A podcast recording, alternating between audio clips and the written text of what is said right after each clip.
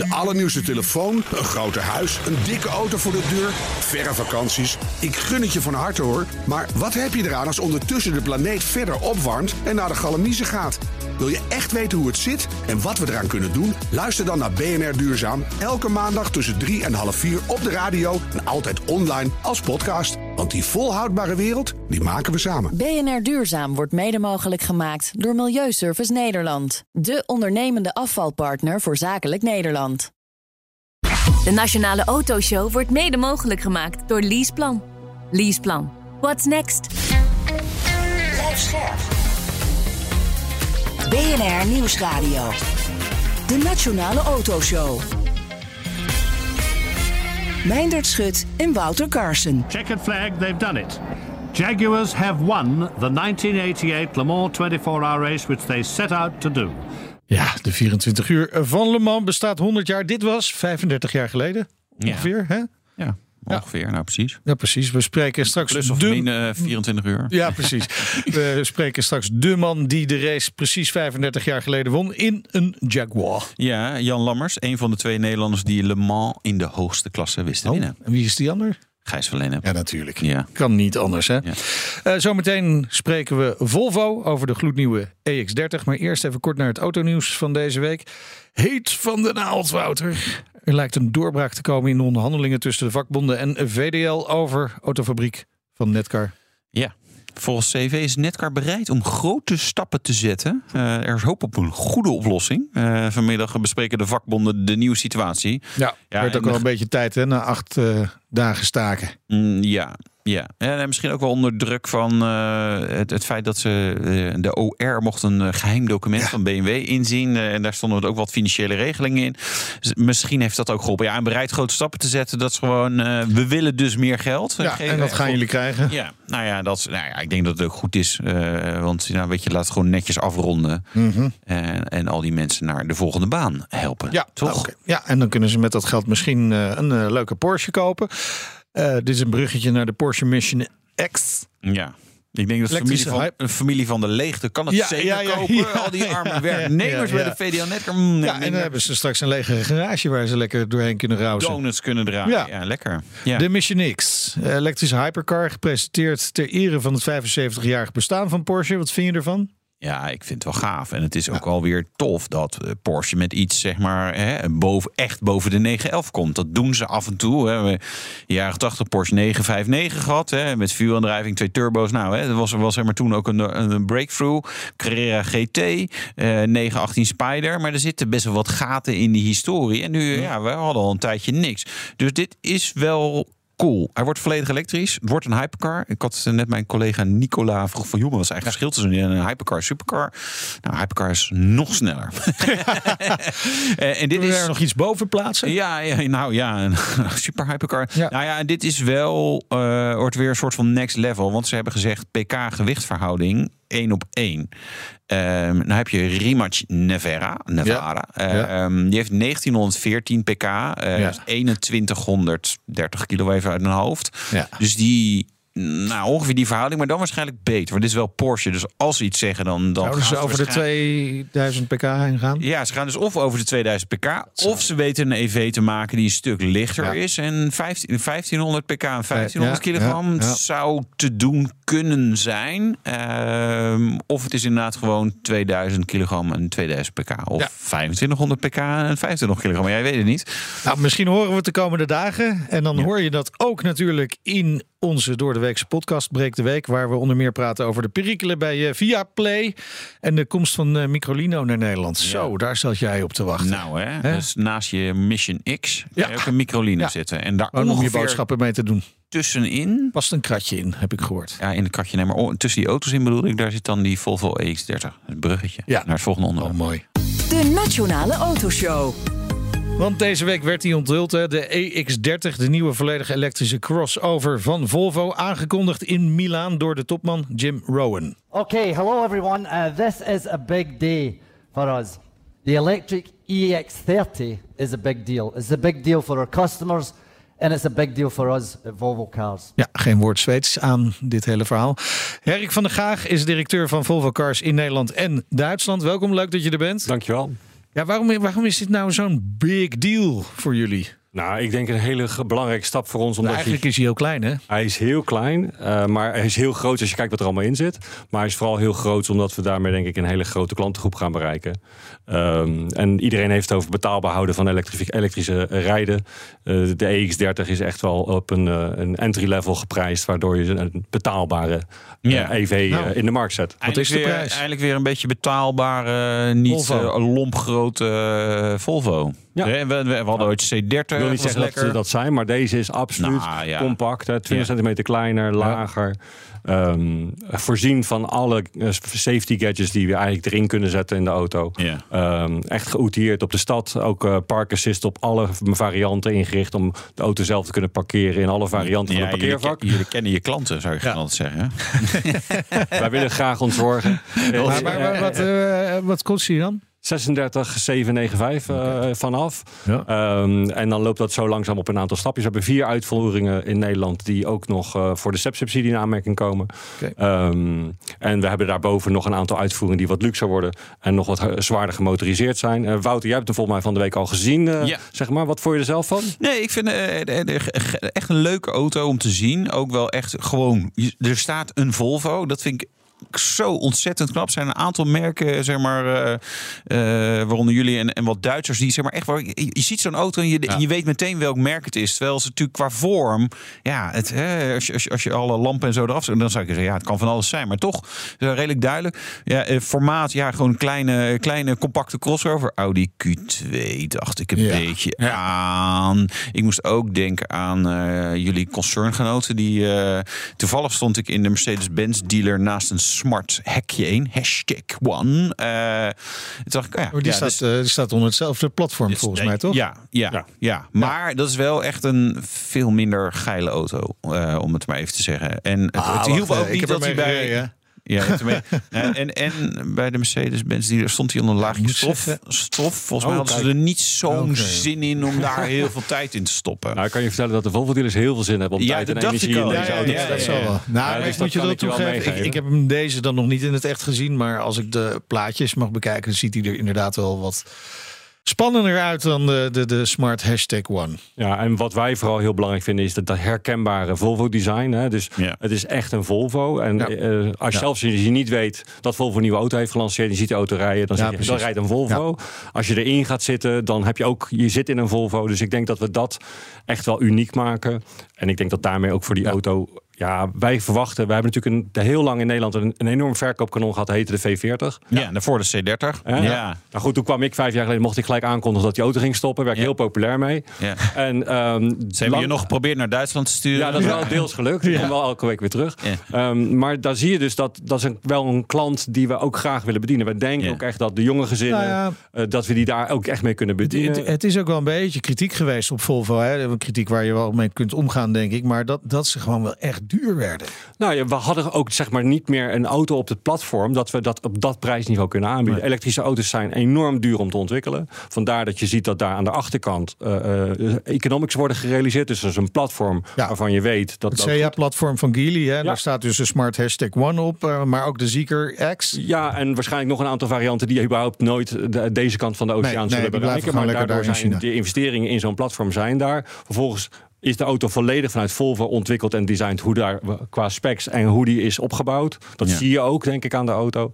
En dat hebben we ook bewezen met andere auto's die platformen delen binnen het concern. Dus ik denk dat dat wel heel goed is. Nee, het ziet er niet uit alsof uh, gerebadged iets anders. Echt, het is echt wel Volvo. Ik heb ook ingezeten. Het is een redelijk minimalistisch interieur. Maar gaan we het zo misschien wel even over. Maar het is uh, jammer dat we, ja, dat we hem niet mogen kopen. Hè? Want uh, onze nee. grote roerganger in Europa, Caroline Nachtegaal, zegt... ja, koop geen Chinese auto. En dit, dit is, is dit nog een Chinese? Hoe kijk je er tegenaan? Wat nou, vind je ik ervan? zie dit echt als een Zweedse auto... Ja. die toevallig in China in elkaar wordt geschroefd. Ja. Um, we hebben meerdere auto's die op wereldwijde basis... op verschillende locaties... maar de XC40 een mooi voorbeeld. Die wordt in Gent gebouwd, maar die wordt ook in China gebouwd. Ja. Uh, wat ik kan zeggen is, het is echt een Volvo, een Zweedse auto.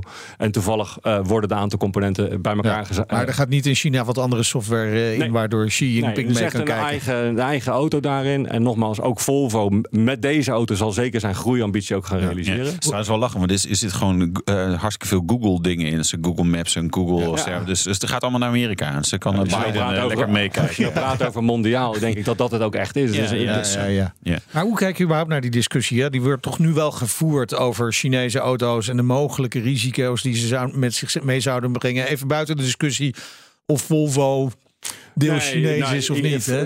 Voor mezelf, ik denk dat wat de discussie die het op, op gang brengt, met name die ik interessant vind vanuit de consument, is het betaalbaar maken van elektrisch Ja. rijden. Ik denk dat dat een hele belangrijke impuls is die dat geeft. En dat zet ook druk op, eh, op andere fabrikanten om te zorgen dat we dat marktsegment ook bedienen. Ja. Eh, het is niet zo dat als je het niet bedient, dat het niet bestaat. En we weten allemaal dat in Europa vanaf 2035 er geen eh, thermische motoren meer mogen worden verkocht. In ieder geval vooralsnog op plaats van wat ik weet. Ja, Ja. ja het is goeie, ik, vind dit- ik vind dit in de categorie goede voornemens. Hè. In januari zijn we wel weer nou, echt minder drinken, geen sigaren meer roken, meer sporten, minder eten. Dat duurt dan tot En- 10 januari Ja, zo is eh. het. Dus dit, dit voelt toch een beetje als dezelfde categorie. Denk, ja, het is een heel mooi stre nobel streven. Discussie voor een andere keer. Maar ik, ik denk... Daar kom ik graag een maar- keer voor Ja, terug. Ja, zeker. om, dat, om, dat, om dat stuk te discussiëren. maar, maar prijspeil en betaalbaar maken. Aan de andere kant denk ik, ja, het is nog steeds een forse cross. Fors, het is een crossover met een bepaald prijspeil, en bepaalde features. Ja, de C30 en V40 waren hatchbacks. Hè, dus eigenlijk zijn we nog een beetje op zoek naar een EX20 eronder bijvoorbeeld. hè. Ja, nou, dat is een hele goede tip. Neem ik Ja. graag mee. Ja, maar oh, ik denk dat je wel, wat je gaat wel zien, is dat je de grenzen gaat bereiken. eh, Hm. Ja. In termen van alle veiligheidseisen die aan de auto's gelden. Alle, alle milieueisen die gelden. En de kostprijs die daarin zit. Om dat zeg maar zo te kunnen doen. Wat wel zo is, is dat je de auto, als je kijkt naar eh, de auto in een private lease of in een Care by Volvo abonnement, is de auto echt wat wij dan noemen betaalbaar daarin. Ja. En dat is, eh, denk ik, dan praat je over tarieven vanaf 519 euro. Iets Ja. Oké. Private Nou lease. ja, maar het is En ook zoek de je nog een nieuwe waarom- Volvo? Ja. Ja, ja. ja. Zoek je nog een nieuwe Volvo? Ja, Ja, dat is een Volvo-rijder. ja. Ja, ja, Ja, ja, weet ik. ja, ja, ja. Gelukkig.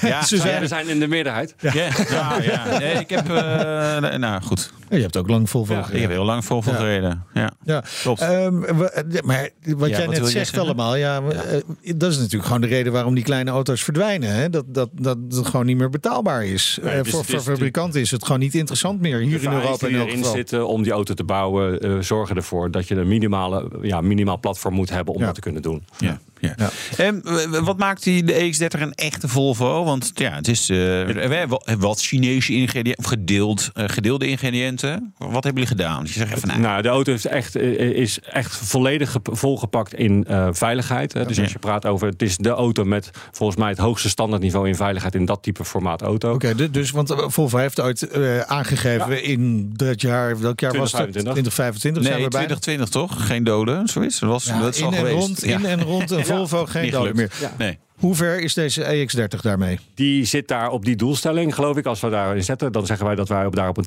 80% realisatie al zitten in die, in, die, in die kant op.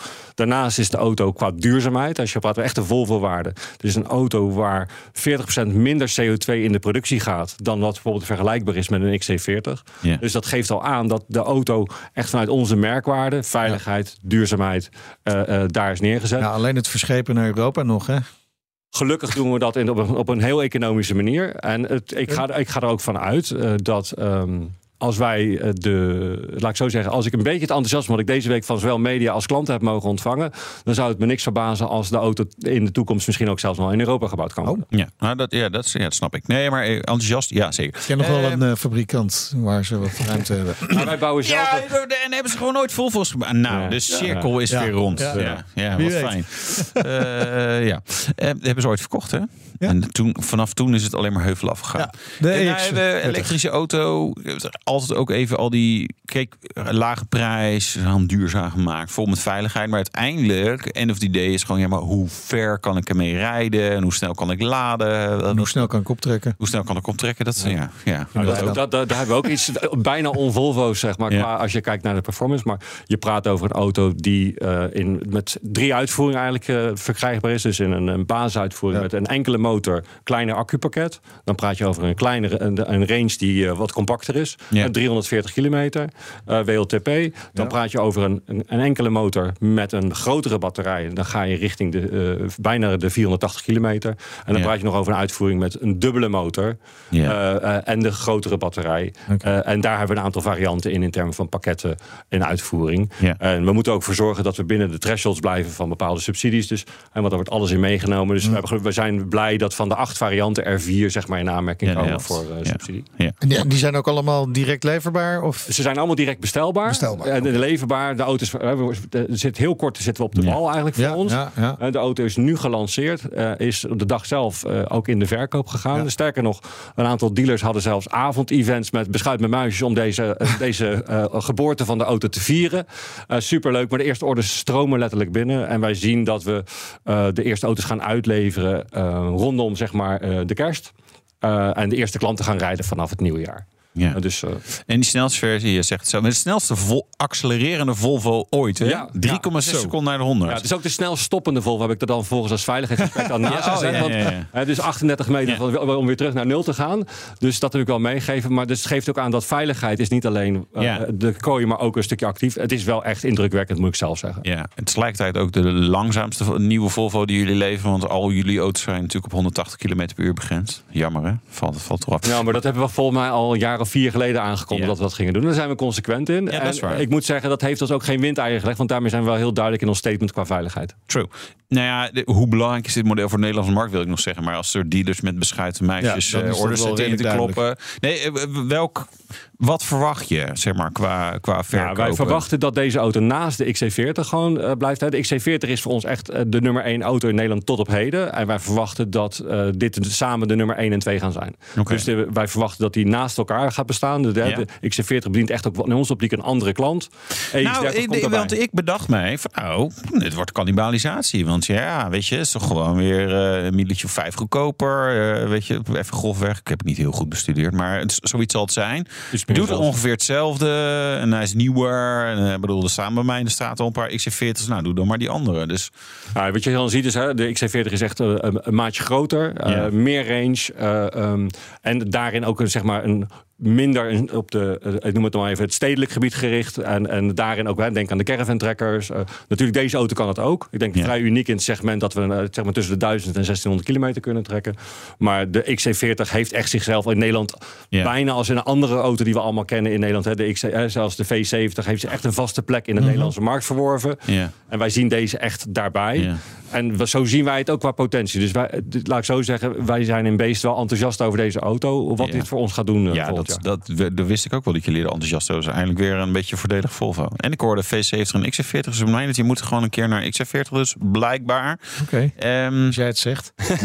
ja, dat helpt wel grote vraag. Heb, heb, jij genoeg productie aangevraagd uh, in Zweden of in China? Waar moet je dat eh, vragen? Welk nou, in Zweden ga ik daarvoorheen. En het leuke daarvan is dat is het mooie voordeel van mijn rol... dat ik eh, zeg maar twee landen vertegenwoordig. En daarmee ook wel een redelijke stempel op de wereldwijde productie kan drukken. Ja? Dus, scheelt dat? Ja, zeker. Ja, absoluut. Oh, fijn. Dus dat is echt wel een, een interessante... moeite waard om heen en weer te rijden. is een interessante bijvangst van de rol, zeg maar. En uh, wij hebben... Ik denk dat Nederland um, misschien wel een van de beste landen in Europa gaat zijn... qua verkoop van de EX30. Okay. Rij jij trouwens met een, een elektrische XC40 of C40 ga je weer naar Duitsland? Ik rij met een vraagje. Nee, dat is heel goed. Heel goed, heel goed. Ja, wat onderwerp. Nee. nee, nee, totaal niet. Nee, Ik vind het wel leuk om te In het begin ben ik heel veel op en neer gegeven met een C40. Ja. Uh, Keulen is echt wat dat betreft nog een... Uh, wij hebben kantoor in Keulen. Dus je merkt dat laden daar echt nog wat minder is. Ja. Afstanden zijn veel groter. Dus ik ben toch weer teruggeswitcht naar een plug-in hybride. Ja. Ook heeft te maken met mijn gezin. Ik ben een wat een groter gezin. Dus met zessen zijn we. Dus dan wil je ook wel wat ruimte hebben. Dus wij hebben de XC90 uh, plug-in hybride.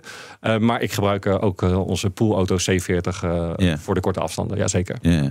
Maar in Keulen in een C40, dan uh, laat je daar weer om weer terug te gaan natuurlijk. Ja, dan, maar in de stad merk je dat daar bijvoorbeeld... Je ziet het aan heel iets simpels. Ik zeg dat als je wil kijken hoe ver een land is qua elektrificatie... ga niet op straat kijken, maar ga in een parkeergarage kijken. Ja. Daar zie je of parkeervakken al in de breedte zijn. Ja, is daar laden aangelegd? zijn ze überhaupt ermee bezig? En daar zie je dat een aantal landen om ons heen... nog veel van Nederland kunnen leren. Dus dat is ook een van de redenen dat ik naar Duitsland mocht gaan... om te helpen de elektrificatie ook te versnellen. Ja, ja. ja. dat is natuurlijk ook wel een reden waarom ze in Duitsland wat achterlopen. Dus die afstanden gewoon veel groter zijn natuurlijk. Hè. Mensen zijn ook het gewend om lange afstanden te rijden. Daar zijn we in Nederland gewoon wat minder aan gewend. Dus past die elektrische auto wat beter in. Ja, en daar zie je nu wel, en dat zie je dus interessant, dat daar met name de versies met long range daar echt heel, het heel Ja, ja. goed doen. Hè. Dus je ziet dat de auto, hè, we zien bijvoorbeeld met een XC40 ook met long range met 570, 580 kilometer. Ja, dan doe je serieus mee. Ja. En Ja. waarbij het dan, we zeggen vaak van, want jullie hebben het er vaak over effectief gebruik en effectieve range. Ik denk dat Volvo ondertussen wel bekend staat dat wij heel dicht bij onze opgave zitten qua gebruik.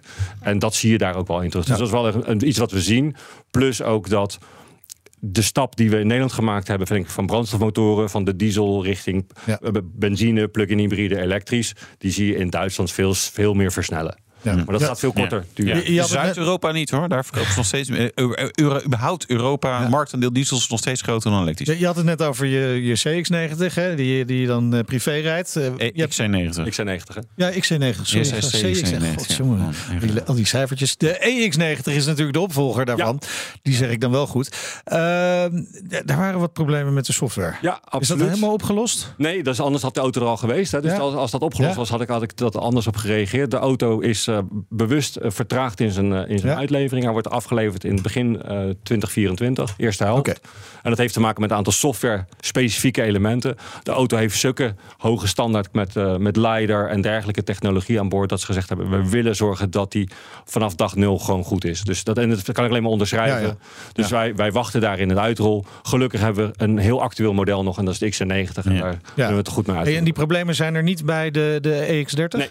heeft geen LiDAR. Dat Nee, dat scheelt al enorm. Maar... De ene, Ik heb met wat auto's met LiDAR gereden. Ik was daar nog. Ik, ik, ik ben nog niet positief verrast door Nee, iets. Dus maar nee. goed, dat is een ander onderwerp weer. Eh, dit, dit weekend nog heel even kort. De Volvo Ocean Race. Ja, Ocean nou, de. Ocean Race eigenlijk. Ja, Ocean Race, nog steeds ja. wel Ja. Het zit Leuk dat zo je het in, in het Kijk, hoofd. want Wouter heeft natuurlijk van de week de auto in Milaan gezien. Maar eigenlijk heeft heel Nederland de kans de auto dit weekend en vanaf dit weekend in Scheveningen te zien. Ja. Dus eh, van zondag tot en met donderdag is zowel de EX30 als de EX90 Ja. op het Volvo paviljoen in Scheveningen live te bewonderen. Dus Ja, neem je zonnebrand mee, een flesje Ja. water en Ja, eh, je- het wordt rustig in Scheveningen, want het is Ocean Race en het is slecht weer. Dus eh, helemaal geen We moeten afronden, heren. Dank. Erik van der Graag, de directeur van Volvo Cars in Nederland en Duitsland. En zometeen. Ja, autocoureur Jan Lammers. Oh ja, die won 35 jaar geleden de 24 uur van Le Mans. Was nog zwart-wit, hè, die beelden. Ja, precies. Nou, eh, die race bestaat 100 jaar inmiddels. Tot zo.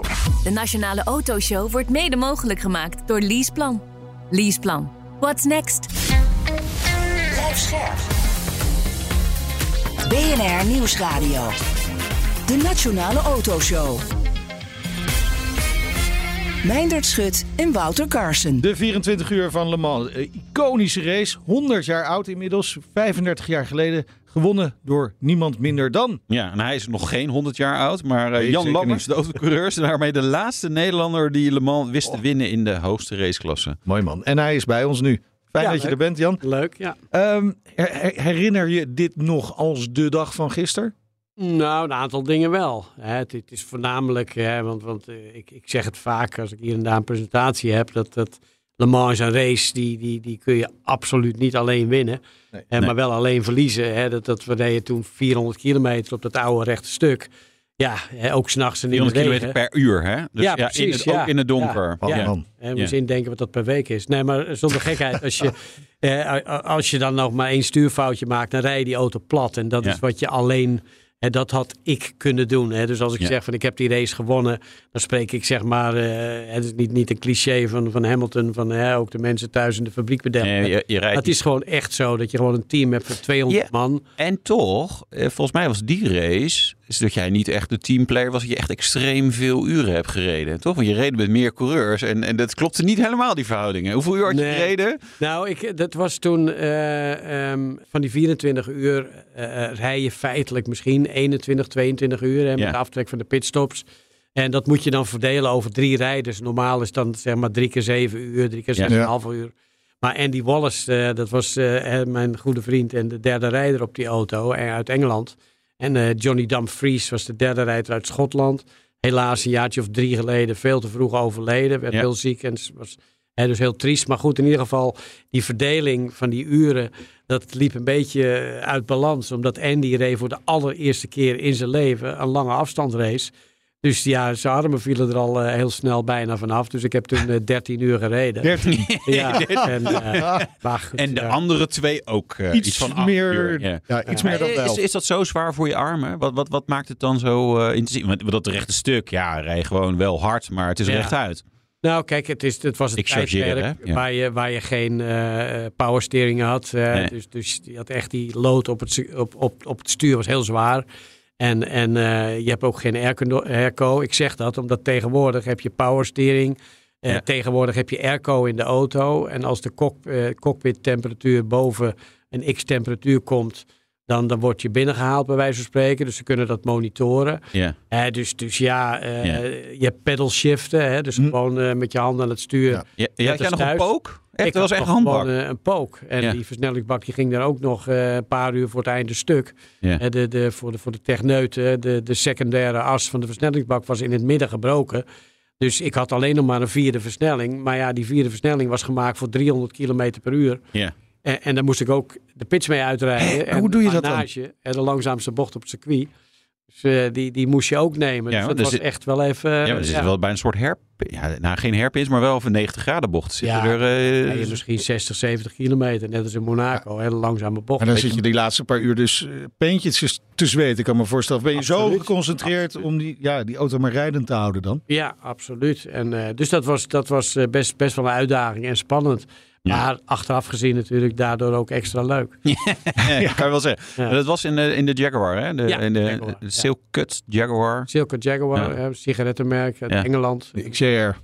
Ja. Ja, nee, Tegenwoordig LM. mag dat niet meer, Hey, sigarettenmerken. je- die je- wordt- je natuurlijk- meer. Je, Nee, je wordt eh, natuurlijk al 35 jaar hier aan herinnerd. Hè? En je moet er ook 35 jaar over praten. Is het ook je mooiste eh, overwinning? Nou, weet je, de, de overwinningen zijn niet altijd gewoon als eerste over de streep gaan en op het podium staan. Nee. Eh, misschien een beetje klef, maar, maar eh, ja, je grootste overwinning is natuurlijk ook het hele proces wat je mee mag maken. Ja. Eh, ik, ik, ik zit nu middenin bijna, ja, ik, het voelt voor mij aan als de tijd van mijn leven. Hè, want ik, ik zit nu twee tot drie weekenden van de maand op de internationale kartbanen met onze jongste zoon. Eh, René doet het hartstikke goed. Ja. En ik zit dus nu tussen. Het is wel alle- heel klef voor Jan. alle- Ik zal dan over je zoon. Nee, maar je mooiste maar-. Ja, mijn kinderen. Nee, maar, Nee, maar ik snap je. Ik herken Ja, het dit- ook wel dit- een beetje hoor. Nou, maar Ja. ik hoef het andere niet in te leveren. Nee. Weet je, ik Nee, heb die mooie precies. tijd in de Formule Staat. 1 gehad. Ik heb die mooie tijd in die sportscars gehad. Le Mans, Daytona. Ja. En dat is gewoon prachtig. En om er dan één moment uit te halen. Mijn moment of glory, als ik dat eruit moet halen, was nog altijd die vierde kwalificatie in Long Beach met de Formule 1. Ja. Dus die, die, die, die betere prestaties in de Formule 1 is voor mij toch nog het mooiste. Ja. En, en Le Mans is echt een teamprestatie, weet je. Ja. Dus, dus daar eh, vind ik wel leuk dat ik daar een belangrijk deel heb in kunnen vullen. Maar voor de rest, eh, nee, ik, ik geniet van ieder moment. En, en ik heb nu de tijd van mijn leven, omdat ik tussen al die families en rijders zit. Die over tien jaar gewoon op de Formule 1 paddock meedoen voor de prijzen. Ja. En dat is geweldig. Ja, ik hoop is- dat René ja. daar één van is. Ja, maar daar moeten we nog even aan werken. Ja, we hebben wel eh, geluid van 35 jaar geleden. Laten we even luisteren. Whether or not that massive crowd are going to mean that this is the last lap of Le Mans as the Jaguars come into There's the pit area. Checkered flag, they've done it. Jaguars have won the 1988 Le Mans 24-hour race, which they set out to do. Een commentaar, hè? Hey, Maar dit echt is even zeg maar anders. Brits. En dus nog maar 1988. Maar dit, als je dit zo hoort, eh, eh, eh, het luistert weg alsof het in, ne- Ja. in de jaren 60, jaren 50 jaar zo heel Ja. geaffecteerd pratende Brit. Ja. Er zijn wel beelden van, toch? Zijn- waren die zwart-wit nog? Of? Ja, ja, ja. Ja. En er waren ook wel luchtbanden trouwens. Ja. Oh ja. ja. Dat, dat dan wel. Ehm, ja, wel, wel episch dat je het dan hebt volgehouden inderdaad. Dan die, la, die laatste uren met alle, alleen de vierde versnelling had je? Echt, echt Ja. alleen maar de eerste? Ja. Als En ik één keer zeg maar een beetje schokkend van mijn gas af was gegaan en erop was gekomen, dan was de rest allemaal gebroken. Ja. Dus het is heel gedoseerd, rustig Ja, rijden. heel- Alsof je je zoon uit het ziekenhuis eh, aan het ophalen toen hij net was geboren. Zo. Maar had je, had je Zo. dan ook Ja. al zo'n voorsprong dat, dat je dat ook wel aandurfde? Nou, die voorsprong die was aanzienlijk, maar die hebben we wel helemaal op moeten maken. Want, want ik geloof dat het aan het einde misschien, eh, wat was het, eh, 15 of 20 seconden was. Dus, Oh, ja. dus dat, dat ging heel hard achteruit. En achter mij zat Hans Stoek. Eh, ook voor de, voor, de, voor de echte kenners uit die tijd eh, topper met uh, fabriekspoorsjes. Dus, dus eh, was, was bizar. En die 12-cilinder motor, hè, die... die eh, ja, komt-ie. Ja.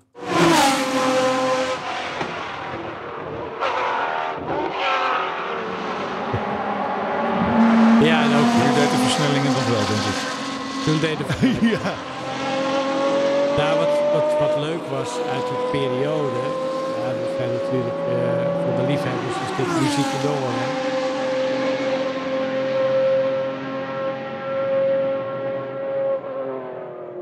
Ja, ook dat terugschakelen. Kijk, tegenwoordig eh, heb je dat, dat eh, autoblip, zeg maar. Hè? Dat auto Ja, terugschakelen. die tussen, Dus- tussengas geeft. Ja, Ja, ja. dus als je, als, je, als je gewoon met één klik aan je stuur wordt het tussengas voor jou gegeven. Ja. Eh, maar, maar hij is computer gestuurd uiteraard. Maar eh, in de tijden ook eh, eind jaren 70 in de Formule 1. eh, Of jaren 70 en begin jaren 80. eh, werd er ook in de Formule 1 en in die sportscars mechanisch teruggeschakeld. Dus aan het tussengas geven kon je horen van dit is eh Fittipaldi, dit is Mario Ja, Andretti, ja, ja, dit is. Lafitte. Hè, dus dan had dat, dat gewoon zijn eigen identiteit. eh, identiteit. En ook, hè, je hoorde gewoon, dit is een, eh, een, een Jaguar motor of een Mazda motor. Hè, die die eh, rotatiemotor, die maakte echt een Ja. angstaanjagend geluid. Maar in de tijd van de Formule 1 had je vroeger de Matra's. Hè, die hadden ook gewoon een geluid. Je werd gewoon bang als je langs de kant stond. Ja. En de Ferraris en de BRM's. En dat, dat alles had zijn eigen identiteit. En dat is nu een beetje natuurlijk eh, eh, verbleekt. Omdat dat, eh, ja, die jongens die geven zelf geen tussengas meer. Dus dat is allemaal, alle motoren klinken heel vergelijkbaar. Ja, maar is die techniek dan ook het grootste verschil tussen toen en nu?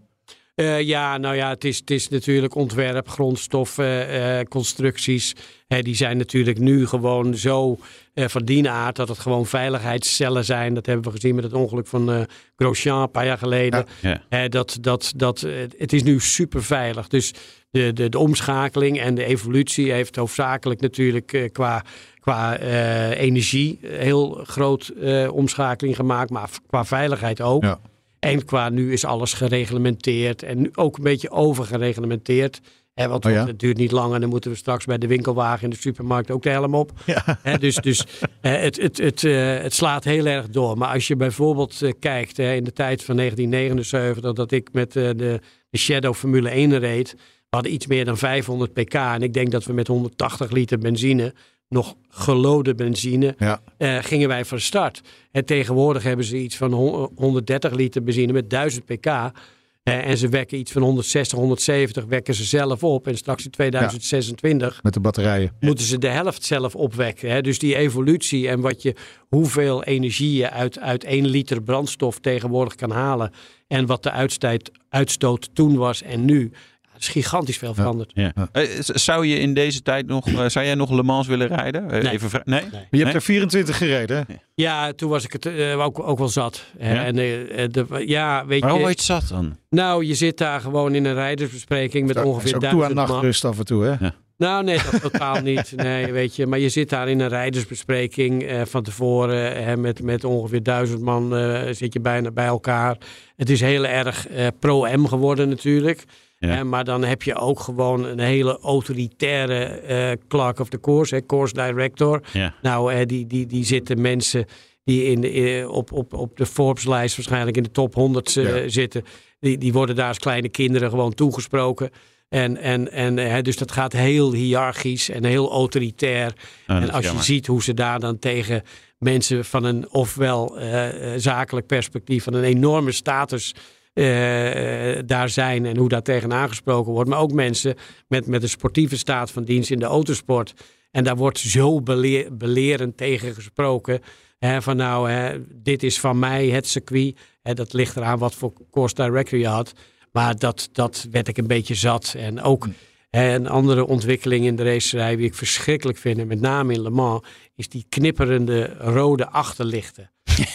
dat, Het dat, gaat om, en waarom vind je dat zo verschrikkelijk? Dat is maar een detail. nou, het, Dat is als het het is gewoon aan het opladen verschrikkelijk. zijn. En dat is zo'n benadeling van de veiligheid. Ja. Maar, maar dat wordt ergens ooit een keer bedacht.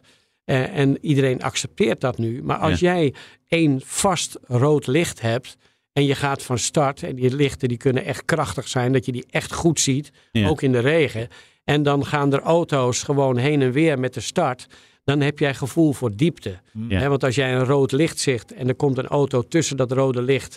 En jou komt daar een auto tussenin. Heb je enorm inzicht van waar ze allemaal zitten Ja. met die rode knipperende lichten van, van zeg maar 40 auto's, afhankelijk van waar je gekwalificeerd hebt natuurlijk, is dat gewoon een, een lasershow waar je totaal geen gevoel voor diepte hebt. Nee. En ongelukken gebeuren door die door die lichten. Ja. Alleen daar laten zij zich niet door overtuigen. En, en als mensen zoals ik met een klein beetje ervaring daar iets over zeggen, hè, dan, dan luisteren ze daar totaal niet naar of hebben ze geen aandacht voor. Dat, Nee. Dus dat vind ik jammer. Ja, dat is zeker jammer. Ja, nou, ja. Dat ik noem nu maar even één. Ja, ik, ik snap, ik snap het. is ja, het, het, Natuurlijk de neiging om dit soort dingen te overreguleren. En ik heb het ook inderdaad ook wel eens gezien bij andere evenementen. Is dat nou ja, degene die het organiseert, die, eh, ja, die, die gaat, gaat geloven in zijn eigen legende. Terwijl ik al denk van joh, het, ook, ook zo'n race, ook een, het hele Formule 1 circus is uiteindelijk, uiteindelijk toch een team effort. Want als eh, alleen Max Verstappen op de baan rijdt en die andere eh 19 coureurs niet, nou, dan kijkt er helemaal Nee, niemand je meer. geen wedstrijd. Dus eh, nog, nog even naar, eh, want het is natuurlijk de honderdste keer, hè? Ja. Eh, Le Mans, een jubileum. Wat, wat verwacht je ervan? Ga je het volgen überhaupt? Ehm, nou ja, ik, ik volg het eigenlijk niet meer zo. Hè, omdat ik, ik ben heel erg iemand van doen. Ik leef Ja. in het moment. Hè. Ik probeer nu mijn plezier uit dit interview te houden. En mijn, en mijn hoofd daarbij te lukt dat houden. een beetje. Ja hoor, dat lukt. Althans, dat mogen jullie beoordelen. Maar, eh, jij dus- het leuk vindt, kunnen wij niet beoordelen. wij Nee, het maar, leuk. maar ik, ik, ik, ik doe dingen eh, tegenwoordig en heb ik eigenlijk altijd gedaan eh, waar ik een goed gevoel bij heb. Ja. Hè, want soms weet je intuïtie gewoon meer dan, dan je met de andere zintuigen kunt waarnemen. Dus dus, dus eh, dat is gewoon hartstikke leuk. Eh, maar maar eh, ik, ik heb natuurlijk vaak moeite om daar met plezier naar te kijken. Omdat een ander ding is track limits. Ja. Ik vind gelukkig in Zandvoort hebben wij een circuit waar track limits niet aan de orde zijn. En dat is Nee. ook het bewijs. Gewoon eh, construeer een circuit waar track limits eh, Nee. van het circuit afgaan niet loont. Nee. Nee. En dat is gewoon te doen. Dus zorg dat jij gewoon met de bouw van je circuit Nee, zorgt. het klopt. Het was natuurlijk Barcelona ook dat eh, eh, Ja. Max reed zeg maar mijlenver voor. En dan, eh, ja Max, je hebt nu eh, drie keer track limits. En dat, dat hij ook "Huh, wat? Eh, weet je, en ook als kijker zit je dan, ja, het zal best, want, Ja. Maar het gaat nergens over. Ja, Zorg dat er een is- dikke curve ligt en een grindbak eh, gras, dat je gewoon niet er daar afgaat. En dan, ik, ja, ik, he- helemaal eens. Maar Ja, hou, hou dat stukje wat, wat, wat Spartaans is ook Ja, in leven. ja. het hoeft niet Ja. onveilig te worden. Nee. Maar straks krijgen we misschien van nou, als je, als je drie races gedaan hebt eh, zonder track limits, krijg je een sticker of zo. Weet je, ja. Leuk idee. Nou, van de ja. meester, van de meester. Ja, precies. Eh, eh, toch nog even Le Mans, want eh, nou ja, het, het is misschien wel spannend. Hè? eh, de 24 uur met, met Ferrari op pol. Nou, Zo, dat is, dat is even geleden. nou, maar dat vind ik een van de, van de mooiste ontwikkelingen. Dat Ferrari, dat prachtige merk, Ja, ook weer, hè, we kennen natuurlijk, de, althans hè, de, de, de liefhebbers, die kennen natuurlijk de mooie documentaires hè, over Ford versus Ferrari. nou. En dat, dat Ferrari gewoon weer bij dat iconische evenement meedoet. Dat is natuurlijk eigenlijk al de grootste overwinning van dit moment. Ja. Ja. Eh, een mooi bruggetje naar waar Ferrari niet zo lekker meedoet. en waar ene Max Verstappen, ja, die Ja. domineert echt. Hè? Eh, Ja. Geniet je daarvan? Nou, absoluut. Ja? absoluut. Hij is een prachtig voorbeeld. En, en, eh, en natuurlijk krijgen wij heel vaak de, de vraag. Eh, of de, of de, de, de, de, discussie aan de stamtafel is, gaat vaak over wat heeft Max nou wat die anderen niet hebben. Ja. Ja, en Ja. ik vind dat is maar op één manier samen te vatten. Dat is gewoon vakmanschap. Ja. Eh, hij, hij weet en hij kan gewoon al datgene wat hij moet kunnen. En dat kan hij allemaal gewoon net even beter Ja. dan al die anderen. Ja. Maar, maar Jan, eh, is, is het ook goed voor de sport hè, dat hij zo domineert? Wij maken wel eens een grapje van, nou, hij geeft ons in ieder geval de ruimte op zondag om even in slaap te vallen op de bank. Want als we wakker worden, ligt hij nog steeds vooraan. En dan hebben we, worden we wel wakker bij, bij de pitstops, bij, bij wijze van spreken.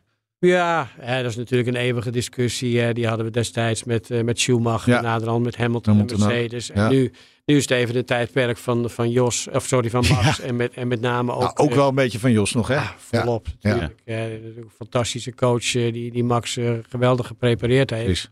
En, en, en maar het team van Red Bull, die, die doet het ook voorbeeldig. Echt geweldig.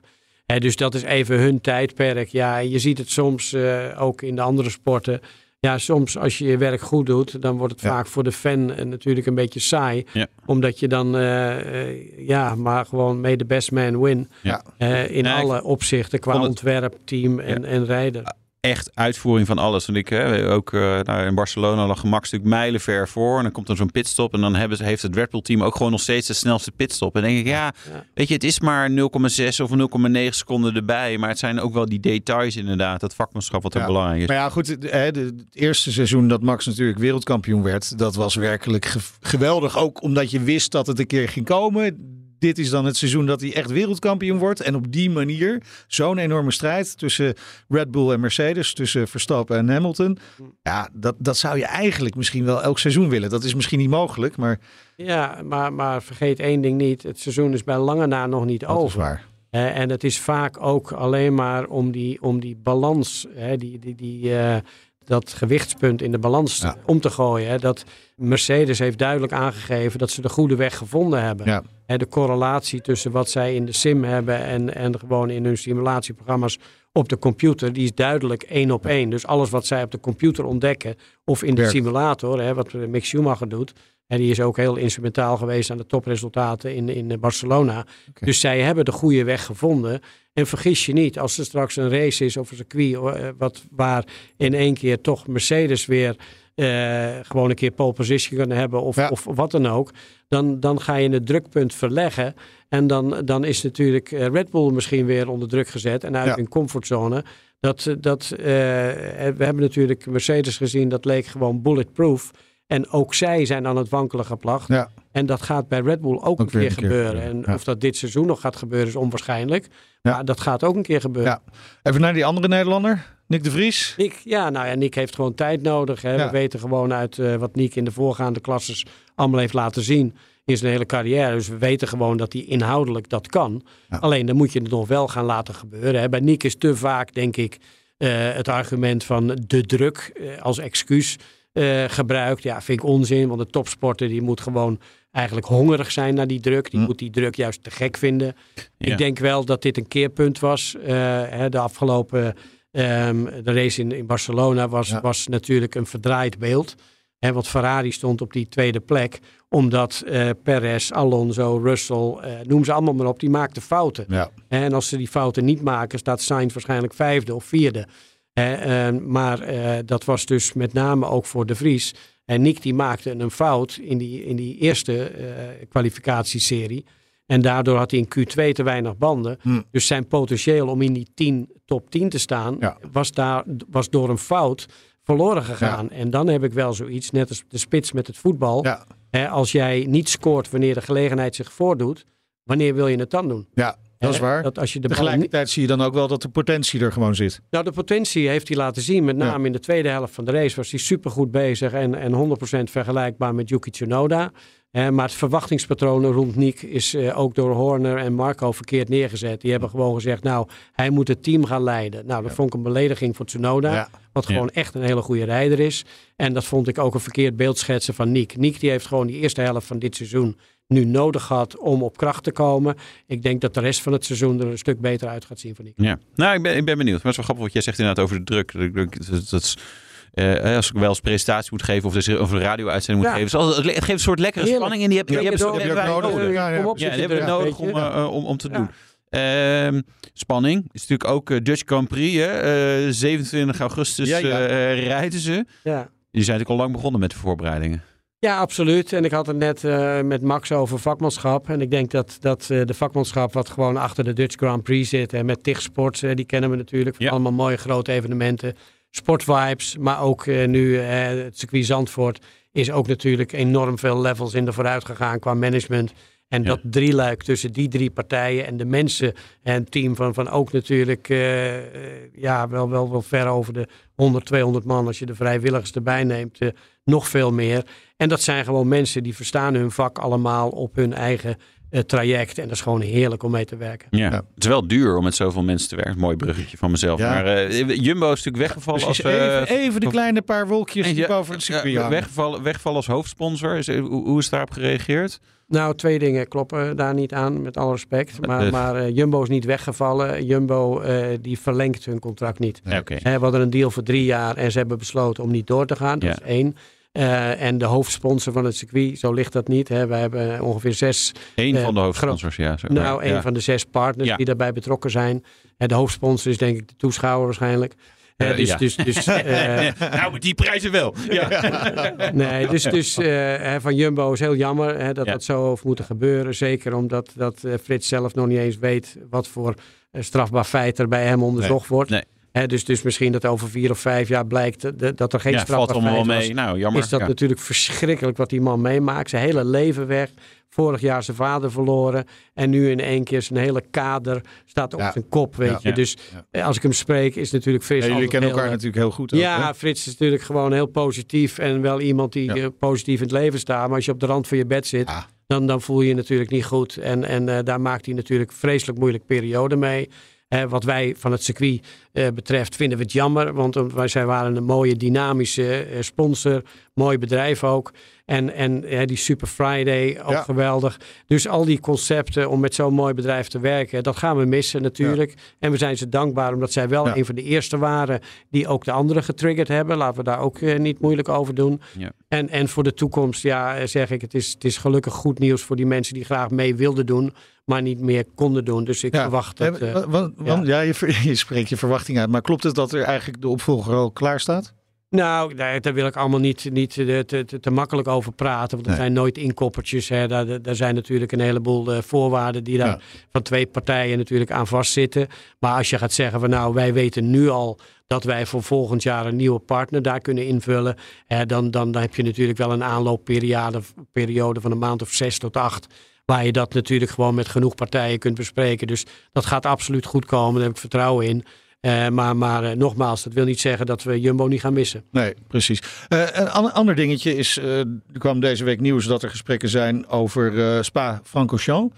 En daar werd gesuggereerd dat als de deal met Spa doorgaat, dat het misschien wel eens ene jaar Spa zou kunnen worden, het andere jaar Zandvoort. Ja, compleet gebakken lucht. Zowel Spa als, als wij waren verbaasd van waar komt dat vandaan. Ja. Dus, dus ik denk dat je die twee dingen gewoon autonoom moet zien. Eh, in de eerste plaats en in de tweede plaats is dat niet aan ons. Nee. Eh, het is natuurlijk een enorme opgave voor, voor FOM om weer een kalender samen te stellen aan het begin van het jaar. En zeker als je ziet als landen eh, als Saudi-Arabië Ja, met in één keer dikke, 90 dikke miljoen per jaar geld aankomen. Ja. Hè, dan, dan moet je soms, soms hè, dan wordt het kill your darlings. Van ja, hè, wat, wat, wa- welke beslissing ga je nemen? Met wie ga je niet in zee? En, en als dat grote bedragen zijn waar zij nee tegen moeten zeggen, krijgen zij veel dilemma's. En daar hebben ze mee te maken met het samenstellen van die, van die kalender. Ja. Eh, dus, dus dat is eh, aan FOM om die kalender Ja. te bepalen. En het is aan zowel Spa als Zandvoort om dat onderling met hun te onderhandelen. Ja. Maar FOM ziet toch ook wel wat voor benchmark Zandvoort heeft neergezet de afgelopen jaren. Ja, en dat, hè, dus, dus eh, het is, het is wat is het gaat om vernieuwing van, van de sport en de beleving rondom de Formule 1. Is nou, dat hoe, wel... hoe, eh, s- eh, hoe waarderen zij gewoon die, die eh, toegevoegde waarde Ja. van Zandvoort op de totale kalender?